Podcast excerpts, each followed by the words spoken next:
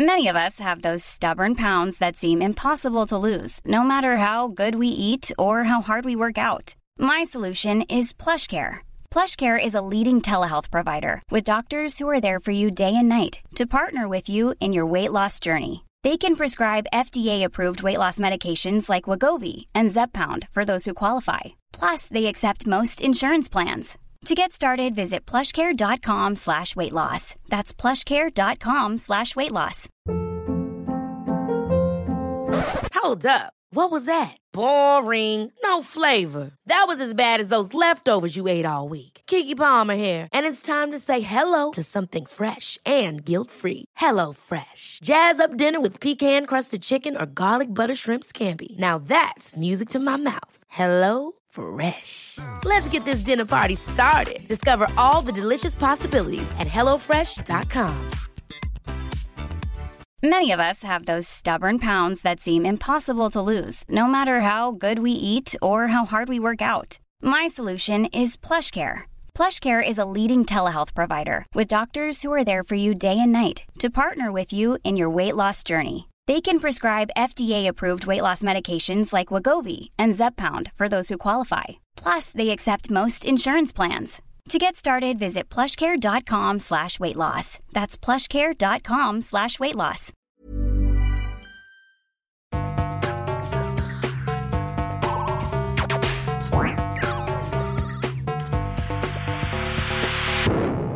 Velkommen. Jeg heter Sondre Risom Livre, er psykolog, og dette er Webpsykologens podkast.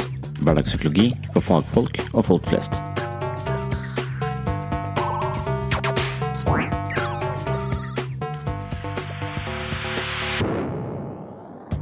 Velkommen til en ny episode av Sinnsyn. I dag blir det en ren opplesningsepisode, og den skal handle om frykt uten ansikt, nemlig angst. Angst kommer i mange ulike former. Sceneskrekk, eksamensangst, prestasjonsangst, agorafobi, sosialangst, panikkanfall og mer generell angst. Medisiner kan ha en god behandlingseffekt, men man må alltid overveie bivirkninger og andre ulemper. I denne episoden skal vi se på ulike forståelser og behandling av angst. Just a sec. Oh, says just a sec? I hate myself.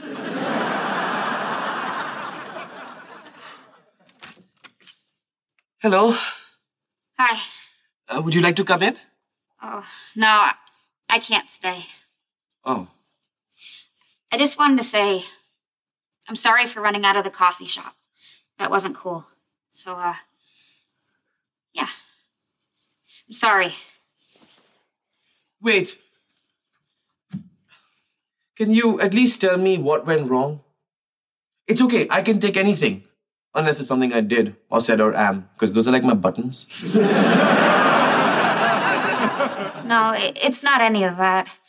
It's just I kind of have a hard time around people I don't know. Really? Then what were you doing at the comic book store that night? I've been trying to force myself into situations that I'm not comfortable with. I saw the flyer in the store window and I made myself go in.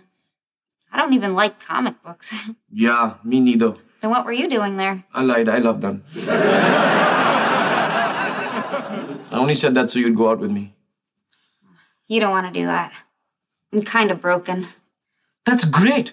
I'm broken too. Oh, no, you're not. Oh, I totally am. If it wasn't for this beer, I couldn't even talk to you right now. I'm a wreck. There are many things seriously wrong with me. and not quirks either, like diagnosable psychological problems.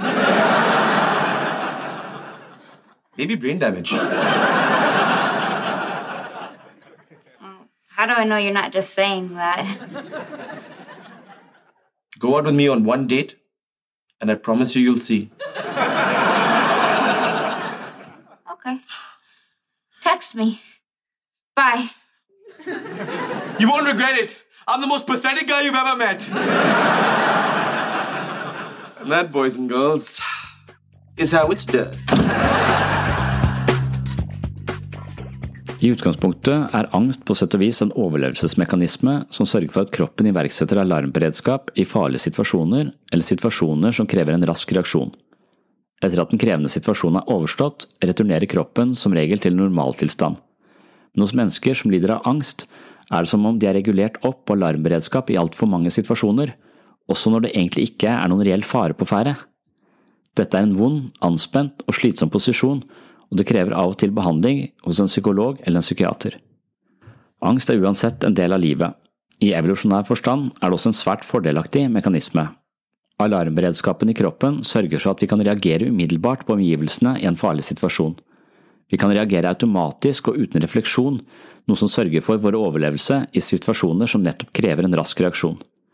Den jaktende løven og den olympiske sprinteren har på sett og vis én ting til felles. De er begge i en modus hvor kroppen er på høy beredskap. Hvis løven ikke finner et bytte, eller hvis startpistolen ikke går av, oppstår det en kort periode hvor systemet nedreguleres og kroppen slapper av og returnerer til normaltilstand.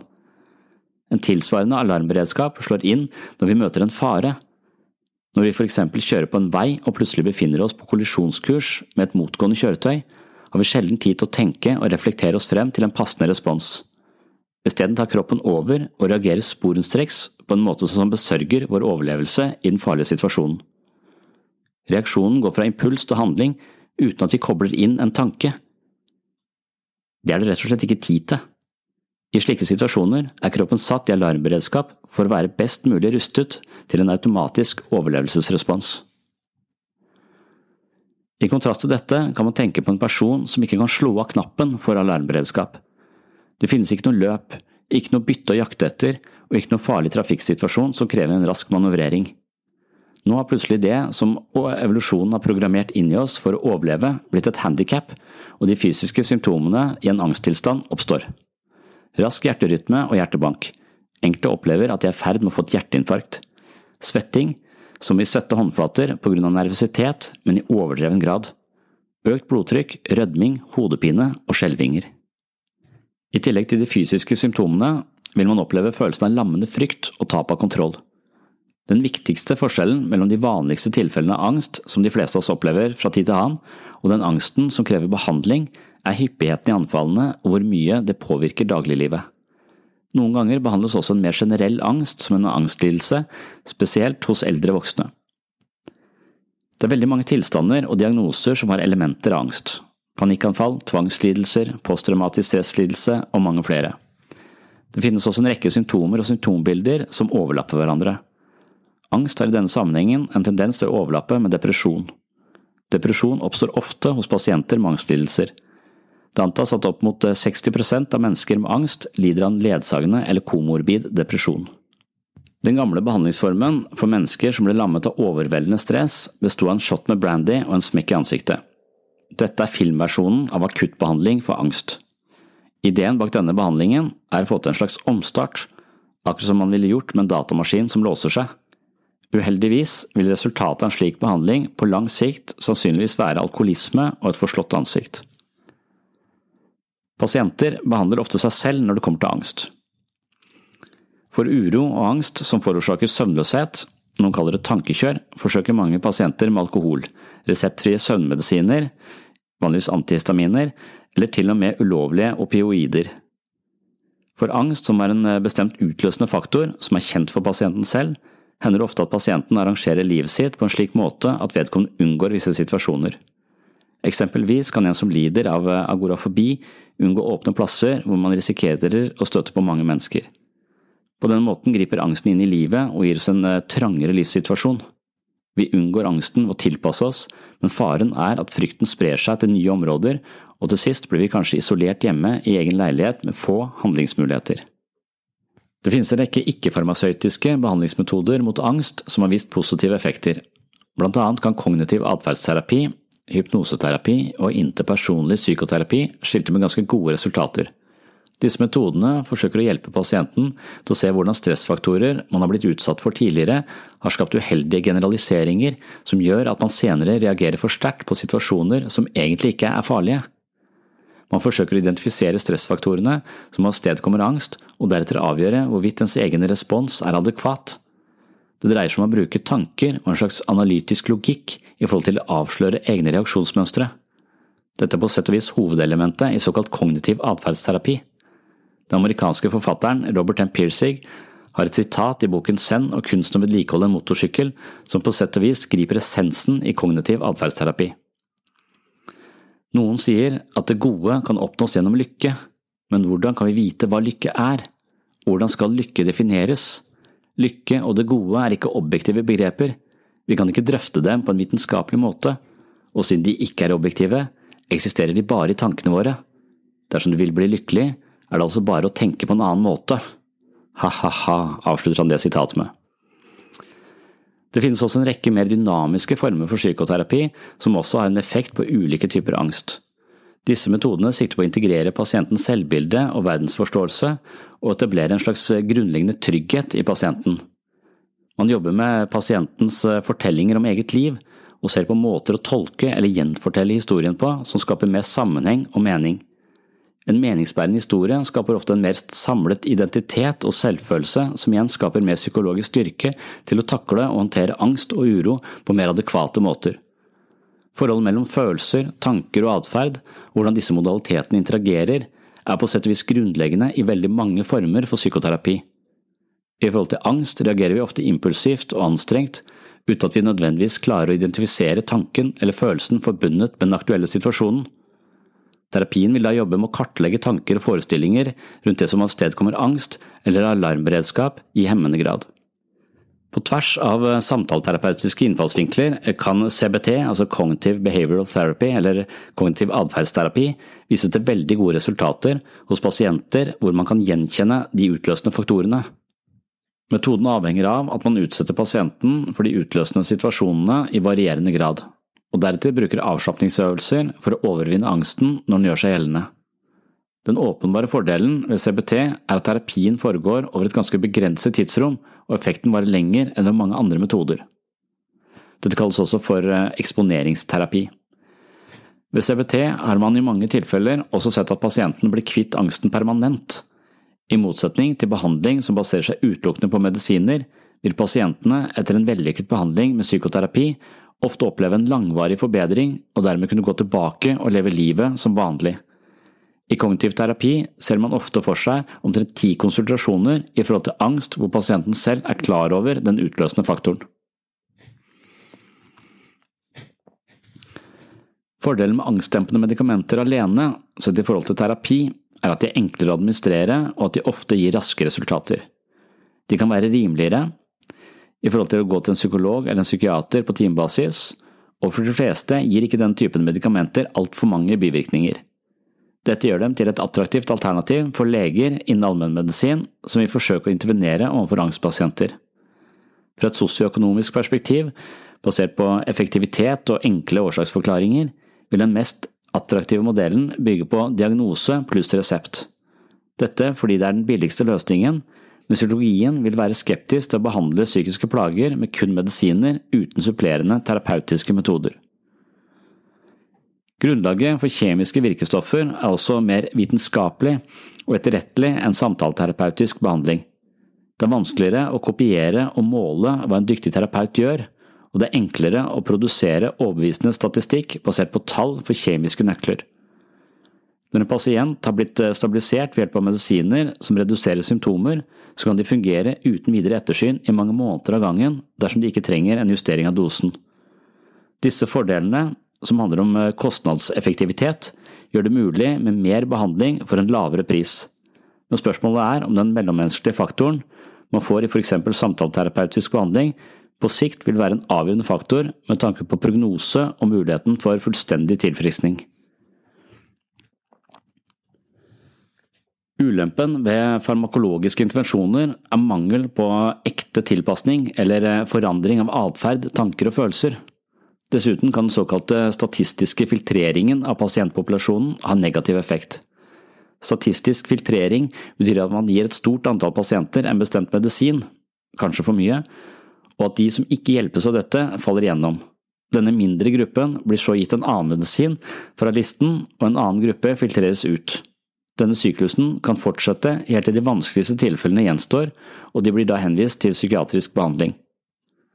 Ved første øyekast kan det se ut som om dette systemet er fornuftig, men ettersom mange av medikamentene mot angst blir foreskrevet av de som ikke er spesialister, ofte basert på resultater av kontortester, så kan det bety at mange pasienter filtreres ut av systemet for raskt. Uten ekspertise til å evaluere ofte komplekse diagnoser som behandles pasienter etter one size fits all-prinsippet av leger som kun har som formål å hjelpe den akutte belastningen. Faren er at pasienten ikke får adekvat hjelp, og i mellomtiden blir vedkommende dårligere og symptomene øker. I forhold til psykiske lidelser og sykdom generelt handler det ofte om å komme i gang med passende tiltak på et så tidlig tidspunkt som mulig for best prognose. I dag er det stort fokus på forebygging og tidlig intervensjon, nettopp fordi pasienter som faller gjennom, ofte blir gående lenge, hvorpå problemene og symptomene tiltar i styrke og blir tilsvarende vanskelige å behandle. Dermed kan de raske og til dels uoverveide medikamentelle intervensjonene ha en potensielt skadelig effekt i et større perspektiv. Noen legemidler får pasienter til å føle seg bedre ganske raskt, mens andre legemidler først vinner en god effekt på litt lengre sikt. Også pasienter med angst kan profitere på antidepressive medisiner. Antidepressiva kan gi pasienten bedre søvn og virke avslappende. Det tar imidlertid minst tre uker før man oppnår en effekt av disse medisinene. På siden til Helsebiblioteket legger de til følgende om antidepressiv medisin brukt mot angst. Personer som er overdrevent bekymret, vil ofte også være overdrevent bekymret for bivirkningene av legemidler. Det utgjør en egen utfordring i seg selv. Legen kan imøtekomme bekymringen med å starte behandlingen med en lav dose og eventuelt trappe opp behandlingen i samråd med pasienten. Noen pasienter blir trøtte av antidepressiva i begynnelsen av behandlingen. Dersom det vedvarer, kan man vurdere å ta legemiddelet om kvelden. Noen ganger kan det være årsak til fall, kvalme og seksuelle problemer. Dersom antidepressiva hjelper mot angsten, vil du vanligvis ta medikamentet i minst seks måneder. Legemidler som kalles benzodiazepiner, foreskrives for korttidslindring av symptomer. De er vanedannende og har en beroligende effekt. Det hender at benzopreparater foreskrives for langvarig bruk hos pasienter som opplever store søvnproblemer av angst, men det avstedkommer som regel en svært uheldig avhengighetsproblematikk på sikt. Noen studier viser at eh, benzodiazepiner faktisk kan forårsake depresjon i enkelte tilfeller, enten fra høye doser eller langtidsbruk. Pasienter klager også ofte over hukommelsestap ved bruk av benzodiazepiner, noe som også taler for å begrense bruken. På Helsebiblioteket advarer de om at legemiddelet er sterkt avhengighetsdannende, og derfor skal pasienter i prinsippet ikke ha denne typen medikamenter i mer enn syv til ti dager sammenhengende. Man bør ikke bruke benzodiazepiner hvis man er gravid. Dersom angsten forverres brått, kan eh, man få et legemiddel som heter hydroksysin. Det er også et antihistamin. Dette legemiddelet virker i løpet av noen få timer og kan virke avslappende. Hydroksysin har blitt brukt som angstdempende medisin med positiv effekt fordi de adresserer de fysiske symptomene, spesielt når det gjelder angst knyttet til eh, opptreden, sceneskrekk eller prestasjonsangst. Legen vil vanligvis kun foreskrive hydroksysin for et par uker. Pregabalin kan hjelpe deg til å føle deg mindre engstelig, men det ser ut til å ta omkring fire uker før det virker. Legemiddelet kan forårsake milde bivirkninger som eksempel svimmelhet og trøtthet, hodepine og munntørrhet. Asapironer inkluderer buspiron og tandospiron, er medisiner som påvirker serotoninmottakerne direkte som partielle agonister. De er ikke vanedannende, slik som benzodiazepiner, og hos nysyke pasienter gir de ofte samme nivå av symptomlindring. De fungerer heller ikke som beroligende midler, og på grunn av dette opplever mange pasienter som har brukt benzodiazepiner at acepironer ikke virker ettersom de ikke føler den samme søvnigheten som assosieres med medisinbruk. Denne klassen angstdempende medikamenter fungerer ikke for korttidsbruk, siden det kan ta flere uker før man merker effekten. Den beste behandlingen vil mest sannsynlig fortsette å være en kombinasjon av medisiner og annen behandling. Kløften mellom hva psykiatri ser på som fysisk, altså best behandlet med fysiske virkestoffer, og hva som er mentalt, altså best behandlet med samtaleterapi, vil fortsette å bli mindre etter hvert som vi ser framskritt i nevroanatomi og nevrofysiologi, samt åpenbarer den tette forbindelsen mellom kropp og syke i større grad. Parallelt gjøres det mye god forskning på ulike terapimetoder som på den måten gjør samtaleterapi mer effektivt og mer presist. Man håper at angstdempende medikamenter vil bli like spesifikke som antibiotika er nå, men det er lite sannsynlig at psykiatrisk behandling vil bli erstattet av en kort liste av legemidler. Diagnostisering er fortsatt en kunst. Pasienter er så forskjellige at en klar kategorisering i enkle klasser er usannsynlig. Overlappingen av tilstander, slik som depresjon, angst og generelt dårlig helse, gjør at det er vanskelig å gi pasienter kun ett legemiddel, og virkestoffer som i utgangspunktet er fordelaktig, kan teoretisk sett forstyrre virkningen av andre medisiner. Et viktig forbehold gjenstår. Ankomsten av ethvert nytt legemiddel fører til økt bruk av medisiner. Det gamle utsagnet er sant. Når alt du har er en hammer, begynner hele verden å se ut som en spiker. På en måte skaper nye legemidler nye sykdommer. Vi må stole på at profesjonelle behandlere i psykisk helsevern beholder et rasjonelt og realistisk syn på utviklingen. Det er helt avgjørende at psykofarmakologiske intervensjoner ikke blir overmodige og overtar behandlingen av psykiske lidelser med raske løsninger. Det er altså mange måter å forstå angst på, og det finnes en rekke ulike teorier og antakelser om den beste kuren. I de neste minuttene vil jeg fokusere på forståelsen av angst i et følelsespsykologisk perspektiv, og jeg vil forfølge en hypotese som sier at mye angst er et resultat av følelser vi ikke våger å stirre i hvitøyet. Det er altså slik at når vi møter en reell fare, reagerer kroppen med alarmberedskap.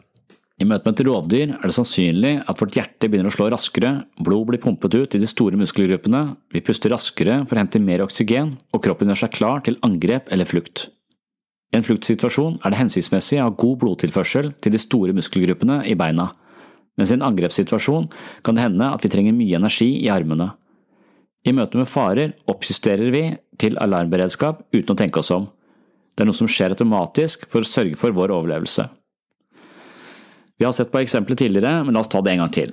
Vi ser for oss at vi kjører på en vei og oppdager at et vogntog på 30 tonn i 90 km i timen har sklidd over i vår kjørebane. Vi er på kollisjonskurs med noe stort og tungt i full fart.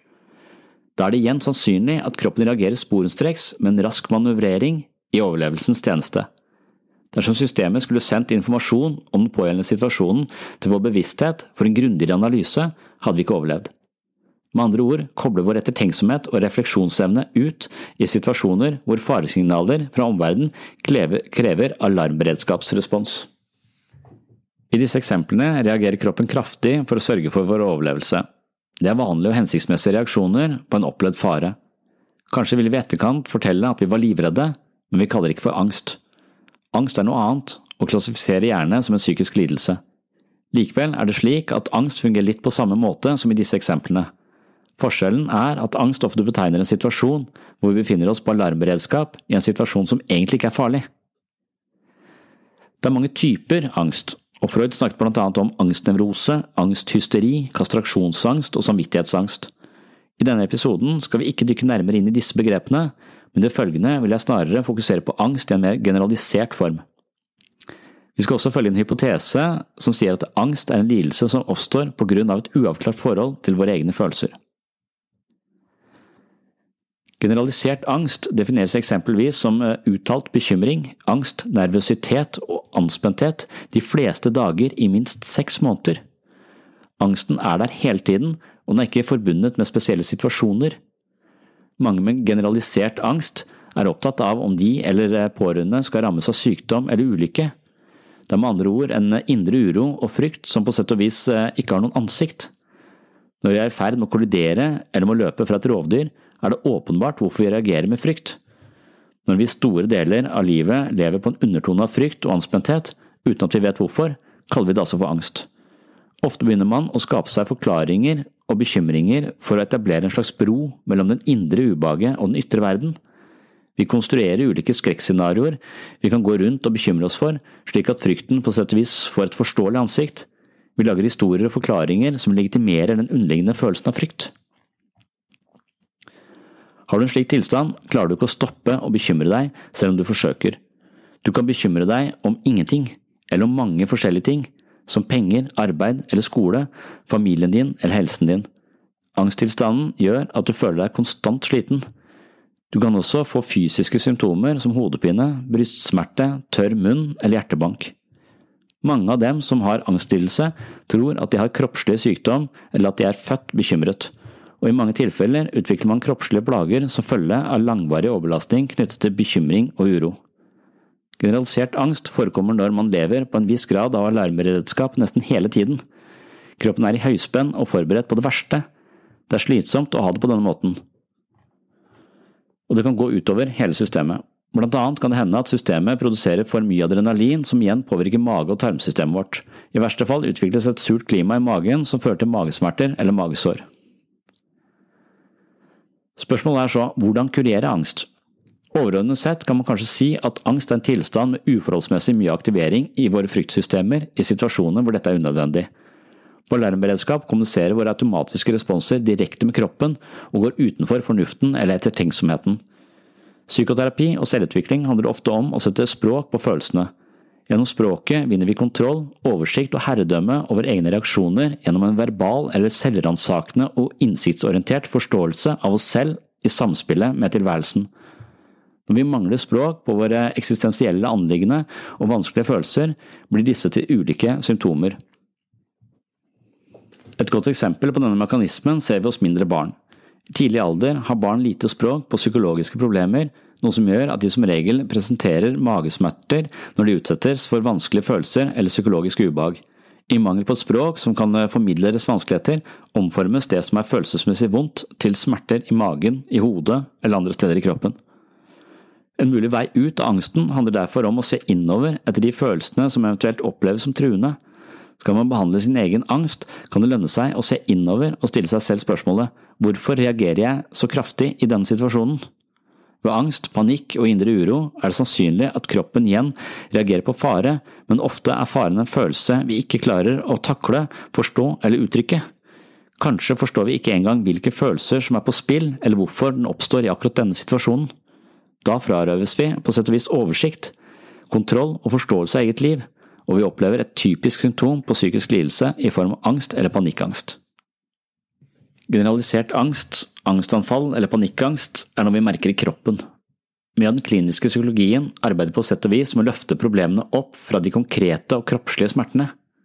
Det handler om å håndtere vårt indre liv med innsikt, aksept og selvforståelse.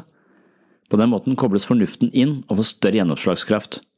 Vår evne til selvrefleksjon kan gjøre våre automatiske reaksjoner og plutselig alarmberedskap om til gjenstand for analyse og undersøkelse. Alt det vi kan se og oppfatte av oss selv, stripper vi også for muligheten til å styre livet vårt i negative retninger. Større bevissthet rundt egne reaksjoner, følelser, automatiske tanker og ytre faktorer styrker vår evne til å møte psykiske vanskeligheter på en bedre måte med mindre angst, stress og uro. En forutsetning for å bli bedre kjent med egne følelser er imidlertid at vi vet om de vanligste følelsene og deres funksjon. Derfor vil jeg nå presentere en liste over de vanligste grunnfølelsene våre, her er det snakk om 16 følelser, mens andre teorier og visdomstradisjoner opererer med enten flere eller færre følelser. Men i Norge og i eh, psykisk helsevern er det vanlig å tenke at vi har ca. 16 grunnfølelser. Nummer én er irritasjon og sinne. Irritasjon og sinne forbindes annet med statusorientering. Hvilken plass har jeg i flokken eller i det sosiale landskapet? Følelsen melder seg ved behov for å sette grenser eller hevde seg selv. Nummer to er tristhet og fortvilelse. Disse følelsene ansporer til gråt. Følelsesuttrykket forteller andre at en ikke har det bra, og det signaliserer behovet for støtte. Gjennom et adekvat uttrykk kan disse følelsene lette smerten og hjelpe oss å akseptere tap. Nummer tre dreier seg om nærhet og hengivenhet. Følelsene oppmuntrer til å omfavne, berøre og gi omsorg til andre. Samtidig handler det om å være mottakelig, åpen og sårbar, noe som også er en måte å vise andre tillit på. Følelsene styrker med andre ord de mellommenneskelige båndene. Nummer fire kalles eh, positive følelser rettet mot selvet. Disse følelsene har til hensikt å skape samt opprettholde en god selvtillit. Det handler om å ta vare på seg selv og beskytte seg selv. Det styrker kontrollen på eget liv, gir en fornemmelse av trygghet og tro på egne evner til å påvirke eget liv i tråd med egne behov og ønsker. Nummer fem er interesse og iver. Disse følelsene hjelper oss å fokusere oppmerksomheten. De pirrer vår nysgjerrighet og motiverer oss for nærmere utforskning. Mange filosofer snakker om at vi er dømt til å skape mening i eget liv, og i den forbindelse er disse følelsene helt sentrale. Følelsene gjør oss involverte, engasjerte og mottakelige for ny informasjon. Nummer seks på lista er velbehag og glede. Følelsene bidrar til ro i kropp og sjel. Samtidig motiverer de oss til å gjenta behagelige handlinger. Følelsen assosieres med evnen til å gi slipp, og kan derfor virke både muskelavslappende og frigjørende. Disse følelsene fostrer dessuten en aksepterende holdning overfor seg selv og andre, noe som videre fremmer tillit, mot og positive holdninger. Nummer sju handler om aktiverende redsel og frykt. Frykt er en selvbeskyttende mekanisme i farlige situasjoner. Følelsene iverksetter overlevelsestiltak, slik at man eksempelvis trekker seg unna. Følelsene setter gjerne kroppen i en alarmberedskap og mobiliserer energi. Følelsene gir indikasjoner på hvordan man bør forholde seg i en vanskelig situasjon. I situasjoner hvor frykten er ubegrunnet eller malplassert, risikerer man at den hemmer livskvaliteten. Og det er nettopp dette som er angst, selvfølgelig. Nummer åtte er misunnelse og sjalusi. Følelsene kan dukke opp i situasjoner hvor man vil unngå å bli oversett. Hvis man føler seg urettferdig behandla eller ikke tatt hensyn til, er disse følelsene nærliggende. Av og til handler det om å gjenopprette respekt og verdighet. Det er også et element av fiendtlighet i disse følelsene når man ønsker andre mindre vel for at man selv skal føle seg bedre. Nummer ni er eh, seksuell lyst, og det er eh, da ganske enkelt følelser som setter i gang seksuell atferd. De neste følelsene har en hemmende karakter, i den forstand at de får oss til å stoppe opp eller trekke oss tilbake. Og nummer ti på lista er da hemmende redsel. Disse følelsene skal gjerne stoppe oss fra å gjøre ting som kan være farlig. Hvis følelsene er ute av proporsjoner eller feilplassert, kan følelsene hindre oss i vekst og utvikling både på et personlig og sosialt plan. Nummer elleve er sjenanse, flauhet og skam. Disse følelsene kan motivere oss for økt sensitivitet i forhold til andres meninger, behov og følelser. Dermed kan de fremme sosial ansvarlighet og forhindre at vi blir overdrevent selvopptatte. Følelsen stopper oss dessuten fra å gjøre ting som strider imot vår selvoppfattelse. Nummer tolv er dårlig samvittighet og skyldfølelse. Følelsene hindrer oss i å gjøre ting som strider imot samfunnets lover, regler og sosiale normer. Ved konflikter motiverer følelsene for forsoning. Hvis man har eh, gjort skade på noen eller noe, vil disse følelsene anspore oss til å gjøre opp for oss selv. Nummer 13 er forakt. Følelsen skaper først og fremst avstand til andre, det sørger for at man unngår nærhet. Nummer 14 er i samme, samme leia og kalles vemmelse og avsky.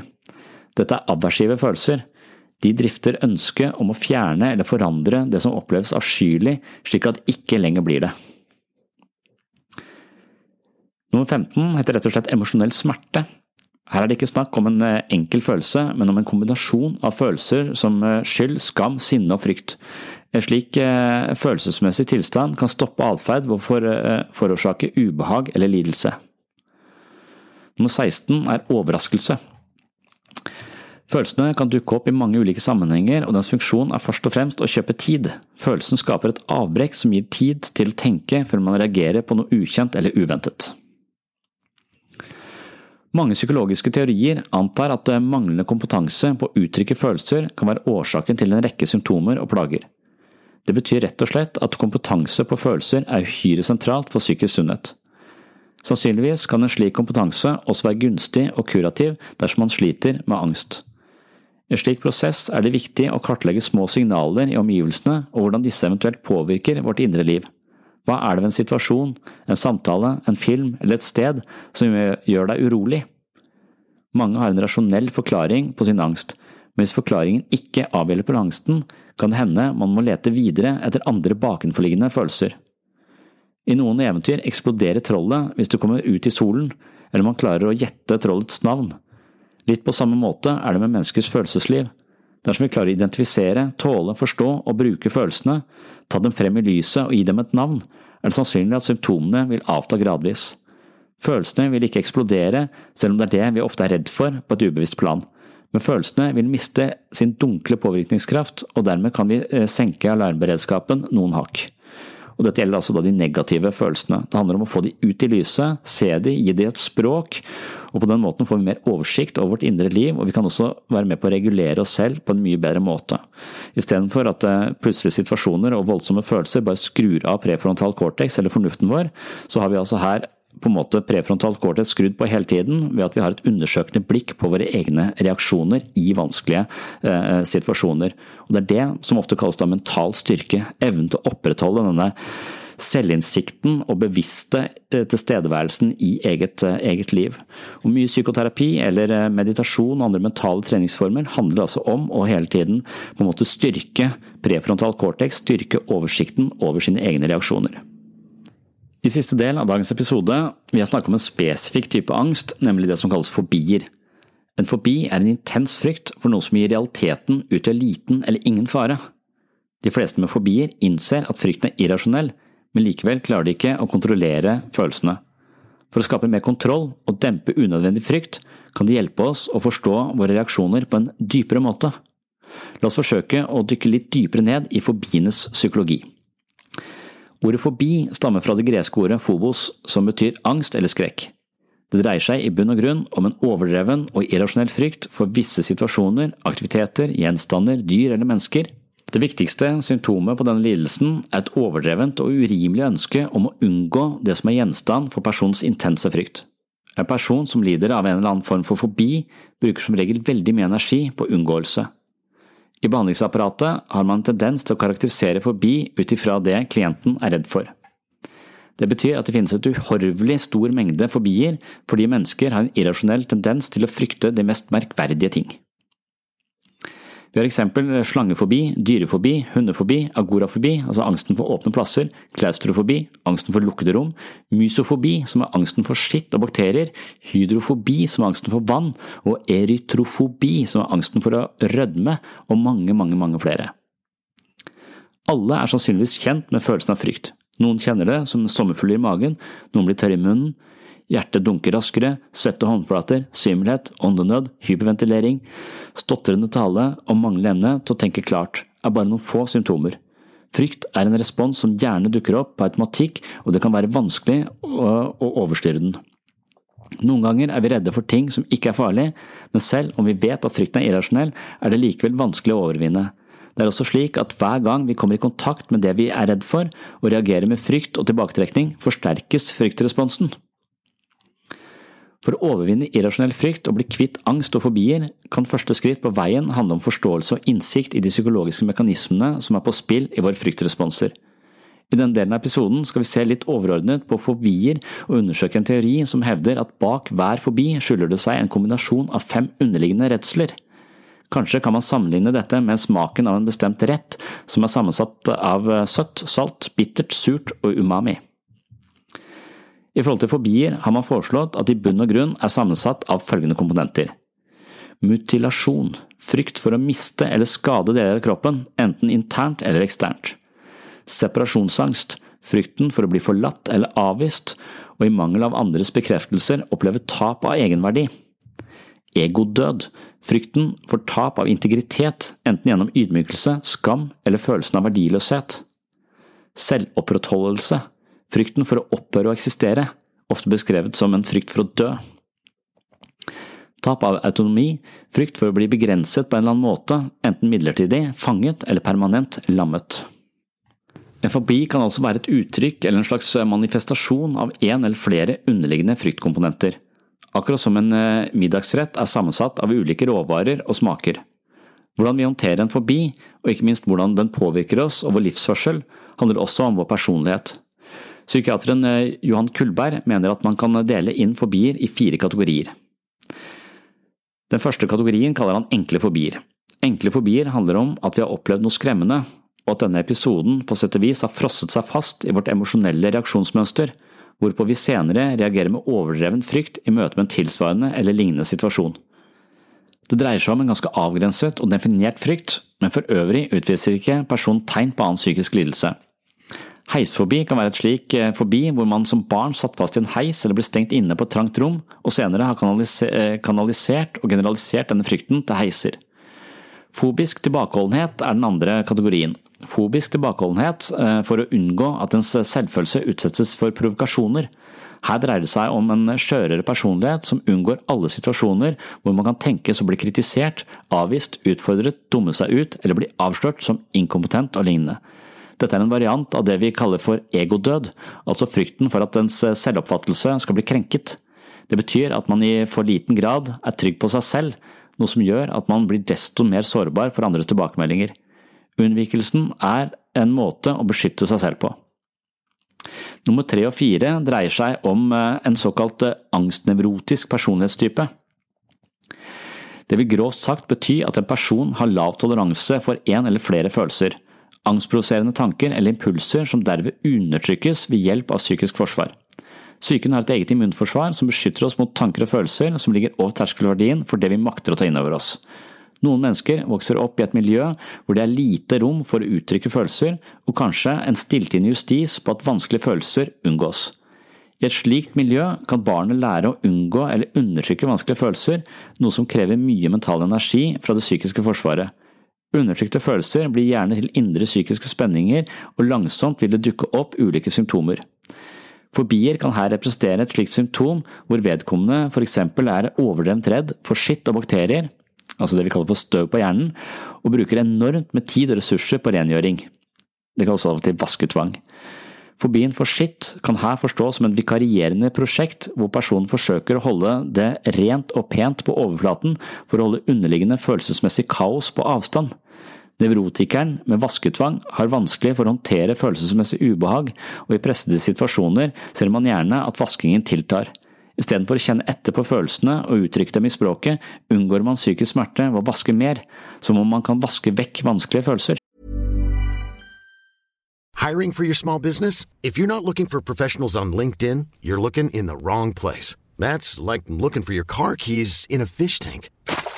LinkedIn helps you hire professionals you can't find anywhere else, even those who aren't actively searching for a new job but might be open to the perfect role. In a given month, over 70% of LinkedIn users don't even visit other leading job sites. So start looking in the right place. With LinkedIn, you can hire professionals like a professional. Post your free job on linkedin.com slash achieve today. Many of us have those stubborn pounds that seem impossible to lose, no matter how good we eat or how hard we work out. My solution is PlushCare. PlushCare is a leading telehealth provider with doctors who are there for you day and night to partner with you in your weight loss journey. They can prescribe FDA-approved weight loss medications like Wagovi and Zepbound for those who qualify. Plus, they accept most insurance plans. To get started, visit plushcare.com slash weight loss. That's plushcare.com slash weight loss. A lot can happen in three years, like a chatbot may be your new best friend. But what won't change? Needing health insurance. United Healthcare Tri Term Medical Plans, underwritten by Golden Rule Insurance Company, offer flexible, budget friendly coverage that lasts nearly three years in some states. Learn more at uh1.com.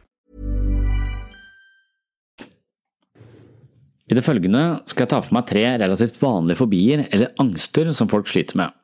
Jeg skal forsøke å plukke de fra hverandre for å undersøke om de faktisk er sammensatt av de komponentene jeg nevnte tidligere.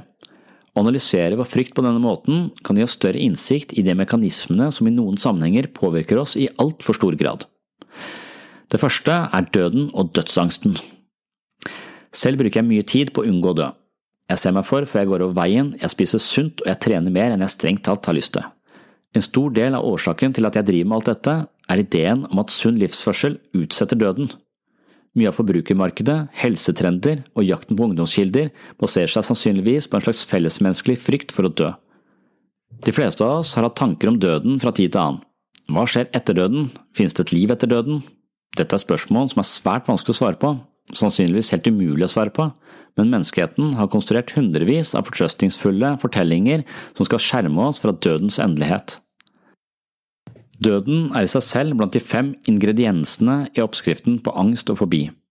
Den sorterer altså under frykten for å bli utryddet.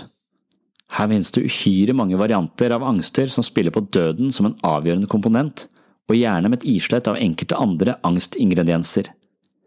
Blant annet er det å bli begravd levende et yndet tema i skrekkindustrien. Her blandes frykten for eh, tap av frihet, altså det å sperres inne i en kiste, med frykten for å dø.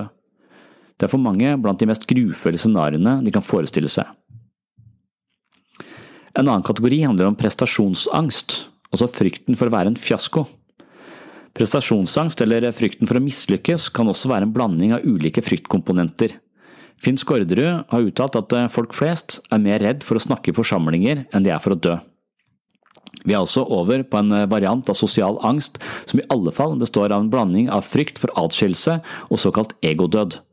Denne sammenblandingen er roten til mange av våre vanligste frykter. Det kan ramme oss når vi skal snakke til forsamlinger, når vi skal yte noe eller prestere i samspill med andre, og det kan slå til når vi befinner oss i sentrum av oppmerksomheten. I like these somewhat high risk things the scuba, the I've gone hang gliding, I've gone skydiving. I like a little bit of risk. I don't know, maybe that's why I do this. I saw a thing, actually, a study that said speaking in front of a crowd is considered the number one fear of the average person. I found that amazing. Number two was death. death is number two? This means to the average person, if you have to be at a funeral, you would rather be in the casket than doing the eulogy.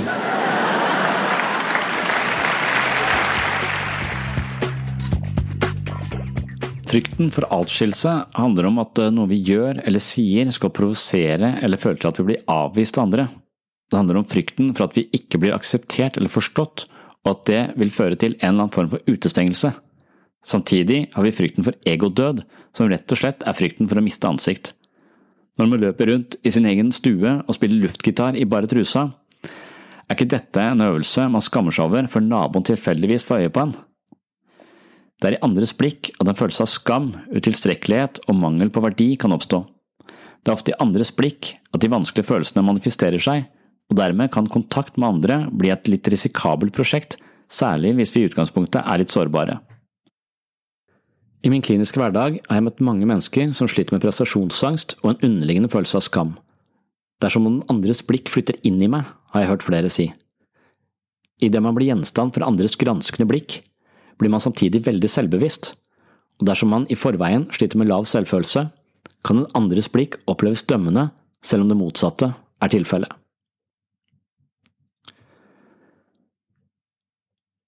Når det, når det, gjelder den andres blikk, da, så har jo eh, Sartre skrevet en hel bok om, eh, som heter The Gaze, altså den andres blikk, og hvordan den andres blikk gjør deg til et objekt. og Hvordan denne følelsen av å være et objekt, altså i dømt av den andres blikk, eh, gir ofte en følelse av å miste seg selv, og, slags, og det skaper et ekstremt ubehag.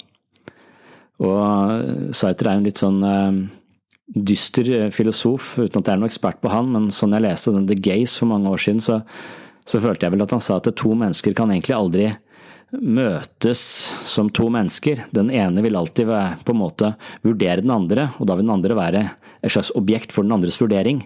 Og denne maktbalansen vil hele tiden eh, skifte, da, så, så, man skifter mellom å være den som vurderer og den som blir vurdert. og Dermed kan to subjekter aldri møtes, og det, det intersubjektive møtet, dette genuine møtet mellom to mennesker, vil aldri være helt i balanse eller mulig, for den ene vil alltid være et objekt, og den andre subjekt. Eh, så han er litt sånn på en eller annen måte så følte jeg han sa at to mennesker kan aldri egentlig møtes sånn genuint. Men jeg tror nok det er en eh, mange andre filosofer som mener at det faktisk det intersubjektive møtet, altså møtet mellom to mennesker, faktisk er en, er en mulighet. Da. Når du tenker på prestasjonssang, så er det vel den følelsen av å, å bli et objekt for andres eh, vurdering. Og, og, noen ganger når jeg snakker med, med pasienter om dette her, så, så ser jeg at der, de har så Kristiansand så det, eh, har du en gate som heter Marken, som er sånn hovedgata gjennom, gjennom, byen her. Og veldig mange mennesker syns det er svært ubehagelig å gå ned der, for de føler at alle ser på dem. Uh, og, og, da tenker jeg jeg har det motsatt. altså Jeg er en av de som ser på. Jeg elsker å gå gjennom marken og se på folk. Og Da lurer jeg på om, eh, om man rett og slett, vi har to typer mennesker. Du har de som ser på andre, og så er det de som blir sett på. Uh, altså denne distinksjonen som Sartre Sartre representerer. Og da er jeg litt glad for at jeg er en person som ser på andre, da, for det er ikke noe ubehag med, det er bare interessant. Jeg ser mange mennesker kommer og går, og, eh, og, og syns noen er eh, finurlige, noen ser artige ut, noen ser sinte ut og skumle ut, og, og, jeg ser alt sammen. og Jeg syns det er spennende å se på folk. Men jeg har aldri noen følelse av at folk ser på meg, da, så jeg føler meg aldri gjort til gjenstand for andres dømmende blikk. Og jeg vet ikke, det må være bare måten man møter verden på. Jeg vet ikke om Kristiansand kommune har da fordelt befolkningen i to. altså Vi skal ha noen som ser på, og så skal vi ha noen som blir sett på. Eh, og Da er du uheldig hvis du kommer i den kategorien som blir sett på, da, for da må du liksom kanskje prøve å være noe spesielt når du går gjennom markens, eller være kledd på en spesiell måte, eller fordi at du er liksom et blikkfang for andre. Og jeg tror det der De som har den opplevelsen at de blir sett på, ligger nærmere den typen prestasjonsangst som beskrives, eh, beskrives her sånn. Det siste punktet som jeg skal lese opp noe om, det er klaustrofobi. Klaustrofobi er angst for innestengte og lukkede rom. Gjerne små lukkede rom, som eksempel heiser. Den som har en slik fobi, vil selv være klar over det, og normalt sett forsøke å unngå det som fremkaller angsten. Igjen kan man tenke seg at lukkede rom representerer frykten for å miste kontrollen på en situasjon, bli sperret inne og i verste fall dø. Døden er som nevnt også assosiert med kister for mange mennesker, og en kiste er i seg selv et særdeles trangt rom uten muligheter for å unnslippe.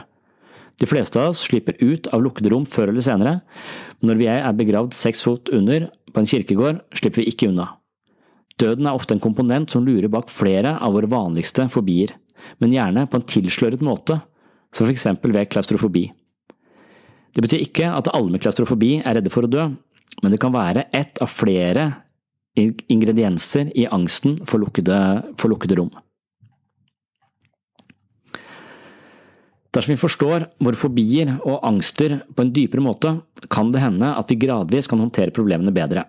Det vil ofte hjelpe oss å forstå mer om opphavet og de underliggende faktorene i våre frykter og fobier for å vinne mer oversikt, kontroll og velge rett behandlingsform.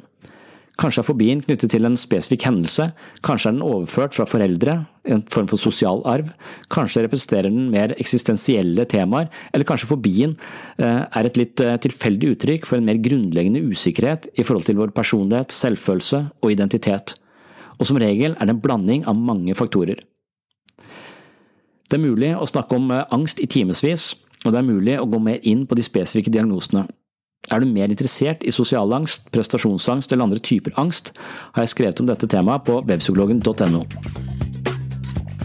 Ja, jeg har nå lest opp eh, en del ting som jeg selv har skrevet om eh, angst for mange år siden. Og når jeg leser det igjen i dag, så er jeg litt usikker på om jeg er enig med meg selv det er en del perspektiver her som jeg tenker er sånn rimelig etterrettelige, men så er det også noe jeg er litt mer i tvil om. Derfor har jeg lyst til å gå litt ut av lese, lesemodus og bare reflektere litt sånn eh, fritt over, eh, over angst eh, og ulike innfallsvinkler til forståelse av angst. Dette syns jeg er ekstremt vanskelig. Jeg vet ikke hva slags type angst dette gir meg, men det, det å snakke nå til en skjerm som er foran meg, som det er bare et bakgrunnsbilde på, eh, det gir meg i hvert fall en type følelse av at noe ikke stemmer, at det er merkelig. Jeg føler ikke jeg snakker til noen, men jeg lurer på om jeg er nødt til å knekke den koden på et eller annet tidspunkt, for jeg syns at dette med opplesningsmodus er litt kleint, rett og slett. Eh, det hadde selvfølgelig hjulpet hvis jeg hadde noen å snakke med, da. Det kan være at jeg skal prøve å skaffe etter hvert. Men, eh, men, jeg har eh, akkurat hatt en, eh, en time med ca. ti pasienter hvor vi snakket om, mye om frykt og forskjellige forståelser av frykt. Ofte så er det også et spørsmål hvordan skal jeg bli kvitt det? Hvordan skal jeg jobbe med min egen angst? Og da har de forskjellige typer angst, selvfølgelig. Og det var en som snakket om dette med agorafobi, altså det å være redd for åpne plasser. Og hun mente at det ville hjelpe henne å forstå utgangspunktet for denne, denne, frykten. Og hun kunne ikke se at hun hadde noe spesielt traume som kunne føre til denne frykten for store, åpne plasser. Og det tror jeg ikke heller man, man, trenger å ha. Jeg tror at Freud snakker om denne ideen om at det finnes eh, enkelte skrekkscenarioer som vi opplever i barndommen, som på en måte fryser seg fast i oss og, og, gjentar seg som et traume. Vi er redd for det samme senere. Vi generaliserer den ene opplevelsen til å være redd for den typen opplevelser senere i livet. Men veldig ofte så, så tror jeg ikke det er den uh, riktige eller den eneste forklaringen på, på hvorfor vi er redd for ting. Og når man tenker på heisfobi f.eks., eller det å være redd for trange, lukkede rom, så tror jeg ikke det er nok mennesker som i barndommen sin har blitt sperra inne i en heis til at jeg skal kunne gjøre regnskap for så mange mennesker som faktisk er redd for å ta heisen. Eh, så det er noe mer, kanskje noe mer sånn urmenneskelig under det her. da. Og når vi snakket eh, med denne med denne dama om, eh, om, hvorfor hun var redd for disse åpne, åpne, plassene, så begynte vi å reflektere hva er egentlig, er det noen grunn til å være redd for åpne plasser? Og igjen, i et sånt evolusjonært perspektiv, så, du, så, er du jo litt sårbar på en åpen plass. Altså Det er ingen steder å gjemme seg, det er mange mennesker samlet på ett sted. Eh, så det å heller gå litt nærme noe, et sted hvor man kunne på en måte springe rundt et hjørne og komme seg i trygghet osv., hvis det hadde vært en krigssituasjon. Så, så det kan nok være at det, det ligger noe latent i oss, noe urmenneskelig, som på en måte sier at det også være midt ute på en åpen slette er ikke nødvendigvis det lureste i et overlevelsesperspektiv. Eh, og selv om det da ikke er noe farlig å være på Torvet her i Kristiansand, eh, som regel, så, eh, så vil denne evolusjonære fryktkomponenten som hun har med seg, som har sørget for overlevelse i, tusenvis av år, kanskje bli, gjøre seg gjeldende også på torvet i Kristiansand, som er helt ufarlig. Og Det kan nok hende at vi, eh, vi har mange sånne, eh, sånne naturlige fryktkomponenter med oss, som hos noen mennesker blir for, tar for stor plass og, og kommer ut på feil, på feil sted. Og så, og så, sier hun men hva, nå, etterpå så må jeg ned til, eh, jeg må ned i, i, byen og jeg må gå over torvet. Eller jeg må ikke gå over torvet, jeg, kan, jeg pleier å gå rundt, altså denne unnvikelsesatferden. Men hvis jeg nå skal gå over torvet, vil det hjelpe meg å, å, å gjøre det? Jeg pleier, hvis jeg skal, Dere sier at jeg skal gjøre det jeg er redd for, og ofte så gjør jeg det, men da biter jeg tenna sammen og så løper jeg så fort jeg kan. Og det tror jeg ikke er noen god, god løsning. For problemet med angsten er at den skrur den skrur av prefrontal cortex. Du går rett på alarmberedskap, og da er du på en måte i følelsenes vold. Da. Og da handler du på autopilot. Så selv om du da har bestemt deg for å gjøre det du er redd for, når du da bare eh, gjør det med lukkede øyne, tenna, eh, på en måte sammenbitte tenner, og så bare bånn gass over, over, torvet, så er det kanskje bare å gjøre vondt verre. Så, så greia må jo være at vi må, vi må, trene opp prefrontal cortex. Vi må trene, vi må ta ett skritt nærmere torvet. Så vi tenker nå er jeg så og så mange meter fra torvet. Hvordan kjennes eh, eh, angsten min da? Hvor høy er angsten? Hvor kjenner jeg den? Kjenner jeg den i brystet? Kjenner jeg den i magen? Hva gjør den med beina mine? Klarer jeg å stå her? Ja, her klarer jeg å stå. Hva hvis jeg tar ett skritt mer inn? Så, så poenget må være at vi må hele tiden være bevisst hva som skjer i den situasjonen, og se om vi kan ha prefrontal cortex skrudd på i møte med det vi er redd for. Og Dermed så må vi nærme, det, nærme oss dette med på en måte bevissthet. Vi må gå inn i frykten med en følelse, med en, med en, bevisst idé om at nå skal jeg møte noe jeg er redd for, nå skal jeg undersøke hvordan kroppen min reagerer, og skal jeg på en måte med min egen fornuft vurdere hvorvidt denne reaksjonen er hensiktsmessig eller ikke. Og Når du gjør det, så, så, vil du kanskje gå inn i en situasjon hvor du på en måte blir mer bevisst deg selv, istedenfor å bare gå med lukkede øyne inn i denne, denne situasjonen. Så Hvis du driver med eksponeringsterapi, da, så, så, nytter ikke det hvis du bare gjør det ubevisst. Det må, bare, det må gjøres med en stor grad av bevissthet, så du nærmer deg det, sånn at du hele tiden er klar over at du har fornuften din skrudd på, og en, på en, måte en slags evalueringsprosess gående på deg selv i den situasjonen du, eh, du befinner deg i. Og når det gjelder eh, når, når, Jeg har vel liksom fulgt Jordan Peterson eh, på en måte, og jeg er litt sånn usikker på hvordan jeg skal forholde meg til den mannen. Han fascinerer meg og skremmer meg på samme tid, men det er et, et sidepoeng til dette. Han har noen, noen, relevante ideer om dette her eh, menneskets møte med frykt i forhold til når han har disse bibelforelesningene sine. For han sier at, at dette med Edens hage, da, hvor, hvor, Adam og Eva befinner seg og spiser denne forbudte frukten, så, så, så er det noe med at de de, dette er kunnskapens tre, og det er også dette med at uh, slangen er der og lurer de til dette. Og, og Jordan Peterson har jo en idé om at slangen er det som på en måte ga mennesket syn, eller opplyste mennesket, gjør at mennesket åpnet øynene og kunne se, og at vi sånn i evolusjonær forstand også har fått et så godt fargesyn fordi at små reptiler eh, bør vi legge merke til, for de kan forgifte oss, eller de er en slags fiende av oss, så vi er nødt til å kunne se dem. Så evnen til å se med farger, det er noe vi har fordi at vi har skulle unngå disse slangene. Så slangene både i en sånn fysisk forstand har vært viktig for menneskets utvikling av synet, fargesynet, mens i en mer sånn symbolsk forstand eh, så vil slangen også være en slags noe som har lurt oss til å åpne, eller fått oss til å åpne øynene og se, se sannheten. Og på en måte se at vi skal dø, se at vi er sårbare, innse vår endelighet. Eh, og det er det vi får når vi spiser av kunnskapens tre, så forstår vi Vi blir selvbevisste. Vi forstår at vi er sårbare og kommer til å dø. Eh, og den erkjennelsen, den, den, oss, den er så tung å bære. Den gjør oss også at vi føler oss veldig sårbare, og da reagerer Adam og Eva med å kle på seg for å på en måte beskytte seg. da så, eh, så det Jordan Peterson da poengterer, som han har fra Jung, tror jeg, er at, han, at, når vi da har den erkjennelsen av vår sårbarhet, eh, så, vi, eh, så har vi et valg. Vi kan, eller det er to måter å reagere på. Og For mange så vil det på en måte prøve å gå tilbake til ubevissthet, ikke tenke på døden, ikke tenke på det som er vanskelig. altså Denne unngåelsesatferden er en naturlig reaksjon for å på en måte komme tilbake til der vi var ubekymra.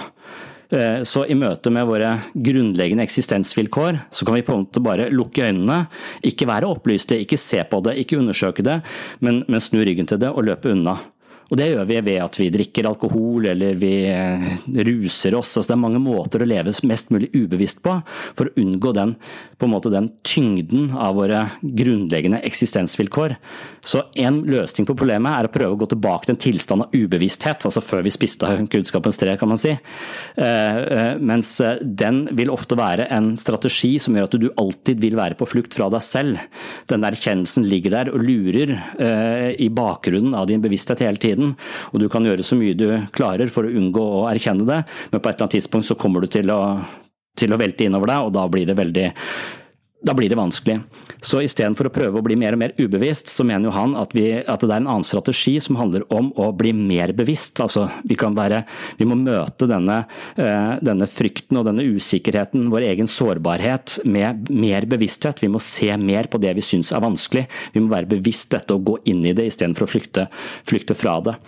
Og Der er han liksom inne på, der kobler han Bibelen inn til en sånn grunnleggende erkjennelse ved det å være menneske, og det som han mener at eh, Jung sier at mennesket er ikke opplyste, for det istedenfor å på en måte uh, gå inn og være bevisst disse vanskelige tingene ved livet, uh, så prøver mennesket å snu seg rundt og prøve å sno seg unna vanskelighetene, og på den måten så lever vi i en slags uopplyst tilstand. Da. Det er grunnen til at mennesket ikke er opplyste. Så, og det representerer også en sånn tanke vi har i, i psykisk helsevern at det, poenget vårt er jo å møte vanskelighetene, møte vanskelige følelser, vanskelige situasjoner, ubehagelige sider ved oss selv med bevissthet, for å se det, for å undersøke, for å eie det, for så å leve det og leve forbi det. Og når hun da spør hva skal jeg gjøre på torvet, så handler det om å bli ekspert på hvordan det er å ha agorafobi. Hvordan kjennes det i kroppen, hvor har jeg denne følelsen fra? Jeg kan utlede nå hvorfor jeg har den sånn rent evolusjonært sett. Jeg kan eh, fortelle deg hvordan den fungerer i min kropp. Eh, og når jeg da er mer og mer og mer bevisst dette, istedenfor å bare lukke øynene og løpe over torvet, jo mer bevisst du er, jo mer du orker å, å undersøke denne agorafobien, jo større sjanse er det for at den vil avta i styrke, og at vi får mer kontroll på den, og til slutt klare å gå over torvet helt ubekymra. Og det er det terapi eh, på mange måter handler, eh, handler, om. Så det jeg vet ikke om kom fram i denne opplesningen jeg hadde av, eh, om, om, angst, er også at det, eh, det, finnes kanskje helt enkle forklaringer på angst, men det kan også finnes noen sånn urmenneskelige forklaringer eh, på angst. Eh, agorafobi er én ting, men, men, vi har arachnofobi, altså frykt for edderkopper.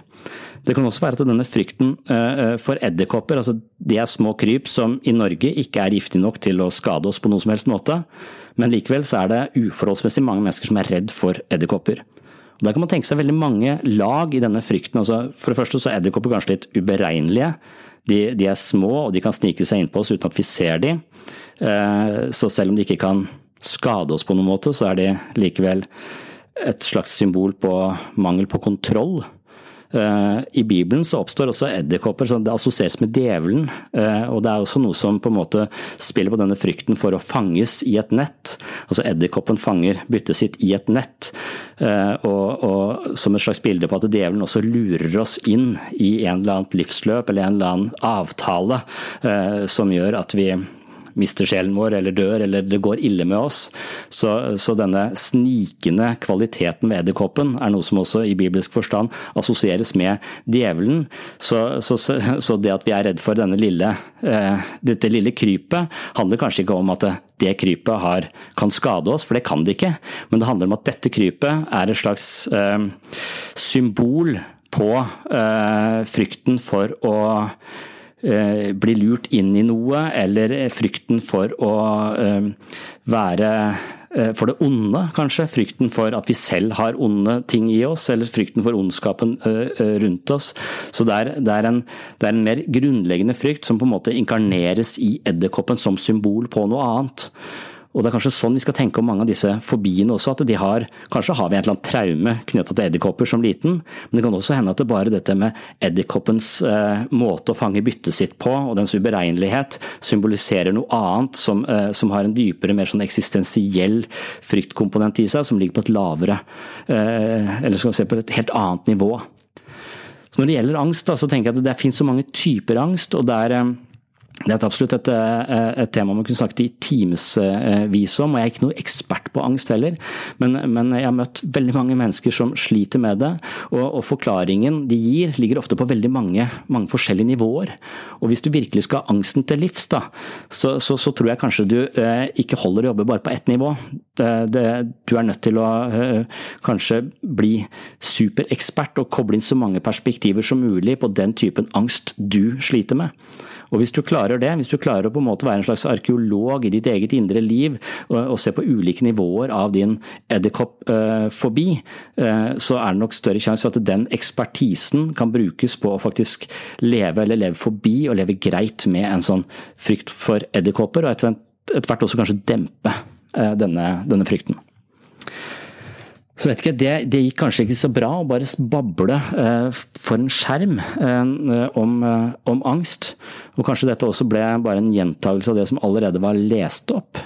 Men eh, jeg kommer til å prøve dette litt framover og se om jeg klarer å, å reflektere høyt for meg selv om, eh, om en tematikk. Men jeg, jeg, tror ikke det blir noe jeg gjør fast. Så fremover så kommer jeg nok først og fremst til å legge ut eh, foredrag, eventuelt samtaler med, med interessante mennesker. Og så kommer jeg innimellom til å ha sånne halvveis opplesningsepisoder og halvveis eh, egen refleksjon over det jeg da har lest opp, eller skrevet. Det er ofte da artikler jeg har skrevet tidligere om en eller annen tematikk. Not afraid of flying, although many people do have fear of flying. And uh, I have no argument with that. I think fear of flying is quite rational because human beings cannot fly. Humans have fear of flying, same way fish have fear of driving. You put a fish behind the wheel and they go, This isn't right. I shouldn't be doing this. I don't belong here.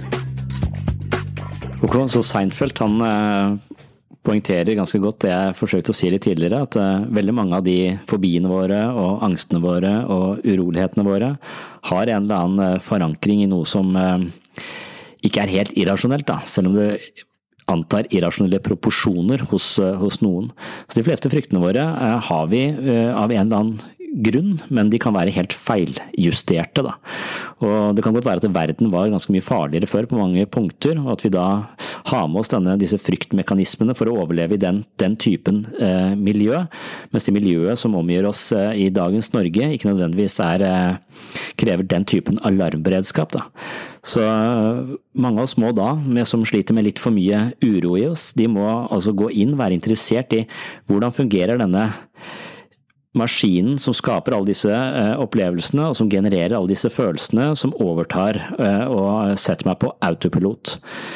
Så det å være litt mer da interessert og forstå disse mekanismene er nok kanskje veien å gå. Mer bevissthet rundt det man er redd for, eh, må være må være på en måte den lærdommen vi har tatt, og den, på en måte den mest basic ideen innenfor psykologifaget.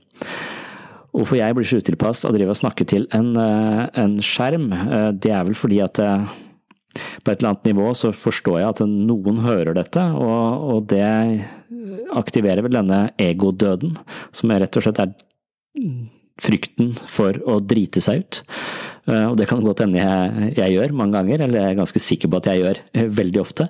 Eh, men så er det noe med å bare leve med det, da.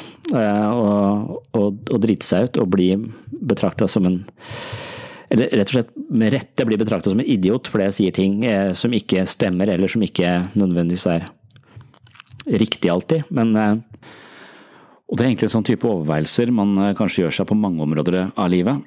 Det, det handler om å være synlig eller usynlig. Når jeg gikk eh, og utdannet meg som gruppeterapeut på IGA, Institutt for gruppeanalyse, så hadde man noe som het eh, storgruppa. Det var en gruppe hvor man satt 70 mennesker i ring og stirra på hverandre uten noe tema. Og 70 mennesker er mange, og av og til så kommer det en samtale i gang om et eller annet, så plutselig så mener du noe, noe om det som det blir snakket om, da. Eh, og da begynner hjertet å slå ganske fort, for, for nå er du i et dilemma. Du kan velge å si noe om det som er tema, og da blir du plutselig veldig synlig. Plutselig så blir 70 mennesker stille og stirrer på deg. Og Du kan også velge å unngå det ubehaget ved å bare holde kjeft, men da blir du samtidig usynlig. Så du er i denne, på en måte, denne avveiningen. Skal jeg bli synlig og få sagt det jeg mener, eller skal jeg bare forholde meg eh, stille og føle meg usynlig? Og begge deler er ubehagelig på helt forskjellige måter. Og Det tror jeg er et sånn, ganske sånn generelt menneskelig tema eh, for, eh, på mange områder av livet. Det å forholdet mellom å være synlig og ikke ikke-synlig. For med en gang i en storgruppe, da, som det heter på, på IGA, når du da sier noe, eh, og folk ikke svarer f.eks., så faller det bare boff, dødt til gulvet. Og så sitter 70 mennesker og stirrer ut i lufta, og du begynner å lure på hva tenker de om meg nå? Og det kan bli en ganske sånn desperat jakt på hva, hva, hvem er jeg for dere nå? Hvem, hvordan oppfatter dere meg nå? Og det er helt umulig å finne ut av, og det må du bare leve med. Og Litt sånn er det kanskje å sitte og snakke til en skjerm. Da, at Nå aner ikke jeg hvordan jeg faller ned i hodet på de eventuelle lytterne som hører på, hører på dette her sånn. Eh, men det er en, en angst jeg har trent på å tåle litt da, ved å sitte i sånne storgrupper bl.a., blant annet, så så jeg tror jeg kan bære det. Eh, en siste ting jeg vil si om angst før jeg legger på her, det er Nå har jeg, nå har jeg hele tiden fokusert på at angst er en sånn er en frykt, det er jo en fryktmekanisme, det er en følelse eh, som ofte er litt sånn skakkjørt. Da, og at den lurer oss til å tro at det er fare på ferde når det ikke er det. Så, så, da er jo ideen at du må av og til avsløre din egen frykt fordi at den er irrasjonell og malplassert. Men det er også eh, det motsatte perspektivet, som vi også har vært inne på, men ikke så eksplisitt inne på som det er en som heter eh, Gavin DeBecker, som har skrevet The Gift of Fair. Det er en bok jeg kom på når jeg snakket om dette her nå. Eh, The Gift of Fair, også med Survival Signals etter den. Og Gavin DeBecker er visst en fyr som har vokst opp under ganske utrygge omgivelser og omstendigheter. Har nok ikke hatt det veldig greit gjennom oppveksten. Han måtte bruke veldig mye tid på å monitorere folk rundt seg på hva slags humør de var i, hva kunne han si, hva kunne han ikke si. Så han mener selv da, at han er ekspert på å lese andre mennesker, og lese små signaler på, eh, på fare. Eh, og det har han også gjort til sin eh, det har han gjort en hel karriere på. da. Så Han er en sånn uh, sikkerhetsekspert for mange kjendiser i Hollywood osv. Og, så og så har han også skrevet denne boka The Gift of Fair, uh, som egentlig sier at eh, det beste på en måte uh, apparatet du har for å overleve, det er din egen frykt. Og den frykten bør du lytte til, sier han. Så mens vi, hvis jeg nå har påpekt at vi ikke alltid bør lytte til frykten vår fordi den er malplassert, så sier han at frykten er vår viktigste kilde til kunnskap om farlige situasjoner, og den bør vi lytte til til. Og Han har da spesielt dette perspektivet med overgrep og det folk som blir forfulgt, eller eh, sånne stalkers osv. Så, videre. så, han, så han eh, sier at det, er veldig sjeldent at et menneske har blitt utsatt for et overgrep uten at det var noen signaler underveis der som de kunne plukket opp av. Så han sier at det veldig ofte når, eh, når det er noen som møter deg og som, behandler, og som du reagerer litt på, så er det et eller annet signal der du bør ta til etterretning. Da. Så, men problemet er at vi ikke lytter til frykten vår, sier han. Problemet er at eh, vi vil ikke være eh, fordomsfulle eller dømmende, så, så når vi føler oss ukomfortable, så sier vi kanskje ja, du kan hjelpe meg å bære posene inn i gangen, selv om vi hadde mest lyst til å si nei, eh, jeg tar posene mine selv, og så gå fra situasjonen. Og Idet du får en person inn i gangen, så er du kanskje kommet for langt allerede. Så han sier at det veldig ofte i overgrepssituasjoner eller i farlige situasjoner så har det vært små signaler underveis som du kunne ha plukket opp av eh, hvis du hadde lyttet til din egen intuisjon, eller til din egen frykt, kan man si. Eh, så han mener at vi bør på en måte kultivere det å bli bedre, eh, på en måte lytte mer til frykten vår, mens perspektivet denne, i denne episoden har kanskje vært det, vært det, motsatte. Men jeg tror nødvendigvis ikke det er noen motsetning der. Poenget er vel kanskje bare, sånn som sånn som vi har snakket om i utrolig mange episoder, da, evnen til å forstå sitt eget indre liv og forstå følelsene, og deretter enten velge å handle på de eller la være. Så følelser kan være mer eller mindre eh, godt justert til enhver situasjon, og det er den innsikten vi bør ha. Vi bør kjenne oss selv så godt at vi vet at eh, intuisjonen min kan jeg stole på i denne situasjonen, mens i andre situasjoner så vil intuisjonen min ofte eh, trekke meg unna situasjoner som kunne skapt vekst eh, for meg. Så det handler om å kjenne seg selv, det er jo det sinnssyn handler om. altså se sitt eget sinn og hvordan det opererer, og forstå disse følelsesmekanismene.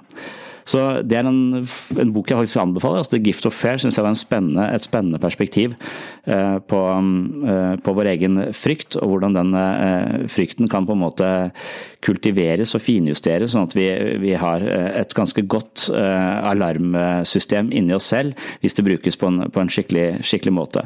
Så han er veldig sånn, I boka så skriver han veldig sånn Du kan ikke stole på sånne sikkerhetsknapper eller sånne Du har sånne direkte kontakt med politiet osv. Det, det er spill for galleriet, mener han. Det, det du må lære deg, er å forstå lese andres ansikter og forstå dine egne signaler og hva du plukker opp der. Forstå dine, egen, dine egne reaksjoner og, og, ta hensyn til dem. Og ikke tenke at ja, men dette er en Selv om han er en mann uh, som er litt rusa, så skal ikke jeg være fordomsfull mot rusa menn. Det, de skal få en sjanse, de også. Det er ikke sikkert du alltid har råd til å gi eh, rusa folk på kvelden en, en sjanse. Det er i hvert fall hans, uh, hans beskjed. Da tror jeg jeg har sagt uh, mer enn nok om angst og frykt osv. for en stund. Jeg syns ikke jeg har på en måte behandla dette temaet på noen fullstendig måte. Langt derifra. Jeg håper at jeg ganske snart kan få snakke med noen kollegaer som vet mye mer om angst enn meg selv. Vi har noen eksperter på angst her jeg jobber. Jeg håper å få de på podkasten snart, og, og, få deres ekspertise på dette, denne tematikken. Ellers nevner jeg som vanlig alt dette med at jeg, du kan støtte Webpsykologen hvis du går inn på webpsykologen.no og kjøper en eller flere av bøkene jeg har skrevet. Veldig stolt nå at det kommer en ny bok eh, om noen uker som heter Psykologens journal. Eh, den, eh, den jobber jeg med i, akkurat nå, med korrektur. Det er dritkjedelig, men det må til. Eh, og når det er ferdig, så skal boka i trykken, og vi håper at den kommer sånn 10. Eh, september, muligens litt, litt etter det, i midten av september i hvert fall. Så den kan også bestilles da til eh, best pris med gratis frakt og rask levering fra webpsykologen.no. De som har rata podkasten og gitt den gode skussmål i iTunes, det er jeg veldig veldig glad for. De som ennå ikke har gjort det, de håper jeg har tenkt til å gjøre det.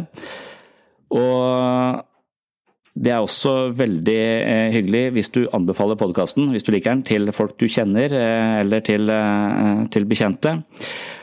Og, og, hvis du ønsker å følge aktiviteten på Webpsykologen, så er det Facebook-sidene som er det beste, det beste, stedet å være. Så hvis du følger Webpsykologen på Facebook, så får du også med deg det som skjer arrangementer osv. Det kommer en del arrangementer nå utover i september og utover høsten.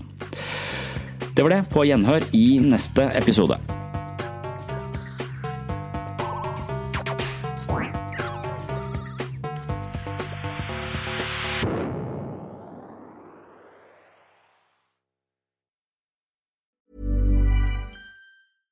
Ever catch yourself eating the same flavorless dinner three days in a row?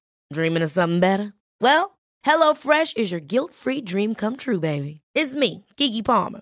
Let's wake up those taste buds with hot, juicy pecan-crusted chicken or garlic butter shrimp scampi. Mm. Hello Fresh. Stop dreaming of all the delicious possibilities and dig in at HelloFresh.com. Let's get this dinner party started. Even when we're on a budget, we still deserve nice things. Quince is a place to scoop up stunning high end goods for 50 to 80% less than similar brands. They have buttery soft cashmere sweaters starting at $50, luxurious Italian leather bags, and so much more. Plus, Quince only works with factories that use safe, ethical, and responsible manufacturing. Get the high-end goods you'll love without the high price tag with Quince. Go to quince.com/style for free shipping and 365 day returns. Imagine the softest sheets you've ever felt. Now imagine them getting even softer over time. That's what you'll feel with Bowl and Branch's organic cotton sheets. In a recent customer survey, 96% replied that Bowl and Branch sheets get softer with every wash. Start getting your best night's sleep in these sheets that get softer and softer for years to come. Try their sheets with a 30-night guarantee. Plus, get 15% off your first order at bowlandbranch.com. Code BUTTERY. Exclusions apply. See site for details.